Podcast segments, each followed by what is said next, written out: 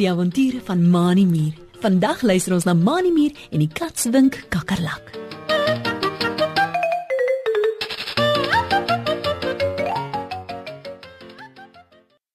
Die son het gesak en die maan kom stadig aan op. Dit is vroeg aand en daar is nie 'n windjie wat waai nie. Dit neem ook nie lank nie of die maan se strale begin tussen die takke van die bome deurskyn. Een na die ander begin die nagdiertjies met hulle geluide. Mani Mier en Driekie Dassie sit op die gras van die rivier se wal en kyk uit oor die water waarop daar nie 'n rimpeltjie is nie. Dit is naweek en daar is nie môre skool nie. Die twee maats het besluit om na die rivier toe te gaan en na al die naggeluide te luister. Oh, dit is 'n baie mooi aand, Mani. Sê Driekie en kyk met dromerige oë al oor die rivier. Hoor net die paddas en die krieke. Oh, en daar hoor ek 'n uil. Ek wonder of dit familie is van ons skoolmeneer, meneer Ulrich Uil. Driekie kyk op in die takke of sy nie dalk die uil kan sien so roep nie, maar dit is te donker en daar is oral net skaduwees. Mani Mier sit en kou aan 'n stukkie gras. Hy dink diep en haal die grasie waaraan hy kou uit sy rooi muurbek. Ek onthou wat meneer Ulrich Eil ons in die skool geleer het, Driekie. Sê hy en gooi die stukkie gekoude gras eenkant toe. In die les oor die nagdiere het hy gesê dat daar baie nagdiere is wat jy kan hoor, maar daar's ook 'n klomp wat jy nie kan sien nie. Baie nagdiere, veral hulle wat klein is, kruip saggies om ons rond en maak nie geluid nie. Mani Mier kyk om hom rond waar hy op die gras sit. Driekie Dassie skud haar kop en kyk na Mani langs haar. Dis reg, Mani. Meneer Ulrich Uil sal goed weet want hy is self 'n nagdier. sê sy en laat sak haar wollerige dassie kop op haar voorste twee dassie potjies. Ek wens so dat ons daardie klein nagdiertjies ook kan sien. Miskien moet ons al op die rivier se val loop en mooi kyk. Dalk loop van hulle daar rond. Driekie staan op en rek haar uit na die lang sit op die gras. Mani Mier staan ook op. Ek weet nie of ons iets sal kan sien nie, Driekie. Sê hy en trek sy oë op skreefies soos hy in die donker om hom kyk.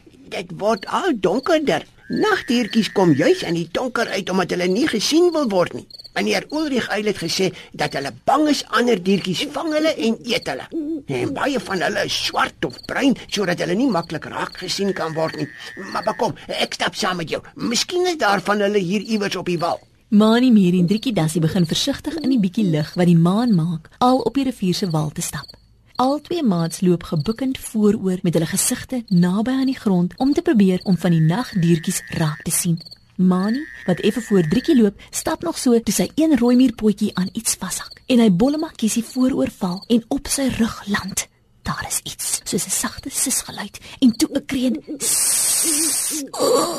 Pas op, Driekie, daar's iets op die grond. Roep hy uit en sit vinnig weer regop. Kyk of jy kan sien wat dit is waaroor ek geval het. Driekie Dassie dadelik vasgesteek toe sy vir Mani Mier sien val. Sy frons, laat sak haar kop nog laer en kyk rond op die grond of sy iets kan sien. Dit is baie donker, Mani. Sê Driekie en voel voel met haar een dassiepotjie voor haar op die grond. Ek kan nie mooi sien nie. Ooh, wat is dit? Hier, lê iets op die gras. Oh, kom kyk, Mani. Mani Mier spring op van waar hy geval het en stap versigtig nader na waar Driekie Dassie vooroor gebuig na die grond staan en kyk. Daar, voor hulle op die gras, lê 'n swart gogga op sy rug met ses pote in die lug opgesteek. Die gogga het 'n plat kop met twee lang voelhorings wat aan die voorkant uitsteek en twee kort voelhoringkies aan die agterlyf. Ek het seker oor hierdie gogga geval, Driekie. Sê Mani en leun ook vooroor om beter te kan sien. Dit lyk my asof die gogga katswink is. Kyk, die oë is toe. Driekie Dassie kyk na Mani en krap haar dassie kop met een van haar potjies. Uh, wat beteken katswink, Mani? Vra sy en kyk weer na waar die gogga nog doodstil lê. Is dit 'n siekte?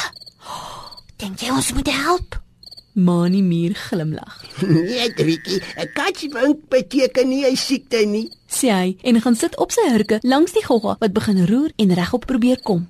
Katswink beteken maar net dat die gogga bewusteloos is. Miskien het ek hom gestamp toe 'n boer hom geval het, maar kyk, sy bene beweeg. Dit lyk my asof hy begin bykom. Die swart gogga se oë gaan oop en daar is weer 'n sis en kreun geluid uit sy bek. Mani steek sy een rooi muurpotjie uit en probeer die gogga regop trek. Hy sien dat die gogga twee groot vlerke het wat agter op sy rug toegevou is.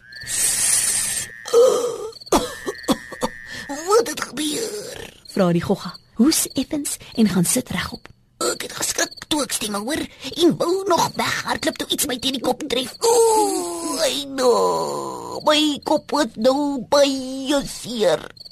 Die swart gogga lig een van sy groot vlerke van sy rug af, vryf oor sy plat kop en kyk op na Mani en Driekie wat oor hom buig. Wie is julle twee? Hoekom kyk julle so na my? Die swart gogga skuif 'n tree of twee terug weg van Mani en Driekie af, so asof hy baie bang is vir hulle. Mani Mier staan weer regop en stof die gras en sand van hom af waarop hy geval het. Ek is Mani Mier en hierdie is my maatjie Driekie Dassie. Sê hy en wys na Driekie wat langs hom ook regop gekom het. Ons soek na nagdiertjies hier op die rivier se wal. Jy het seker jou kop gestamp toe ek oor jou geval het. Ek is jammer as jy seer gekry het. Dit is so donker dat ek jou nie voor my kon sien nie. Jy weet nou wie ons is, maar wat is jou naam? Die swart gogga staan wankelrig op en skud sy kop dat die twee lang volhorings heen en weer in die lug swaai.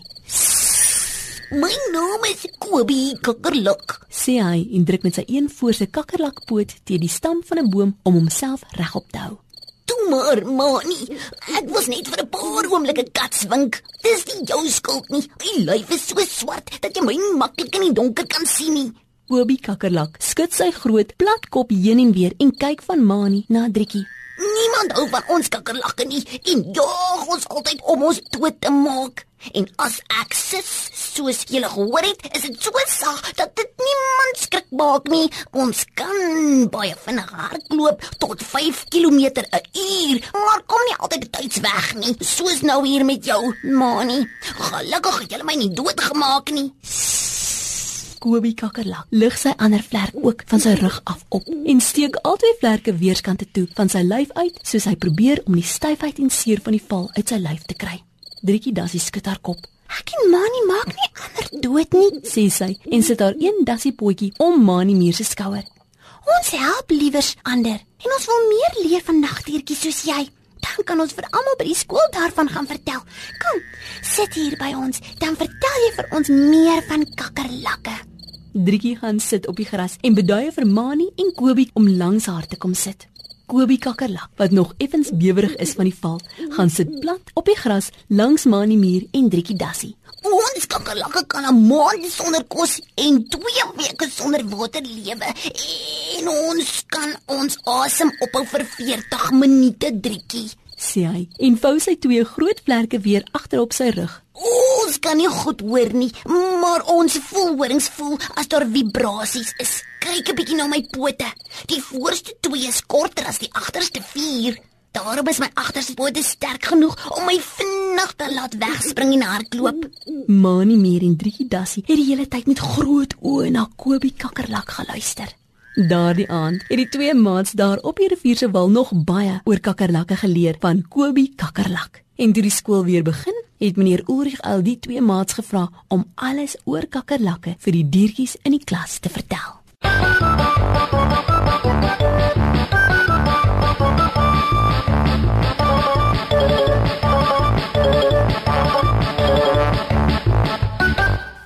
Ons lees in die Bybel in Genesis 1 vers 24 en 25. Toe het God gesê: "Laat die aarde lewende wesens voortbring, elkeen na sy aard."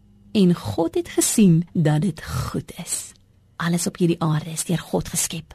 Ek en jy, ons familie en ook al die diere, grootes wat loop en kleintjies wat kruip. Kom ons gaan kyk weer na die mense, diertjies en goggas om ons en gaan sê vir die Here dankie dat ons deel kan wees van alles wat hy gemaak het. En kom ons waardeer alles wat lewe. Tot volgende keer wanneer ons weer saam met Mani Mier en sy maat kuier. Totsiens.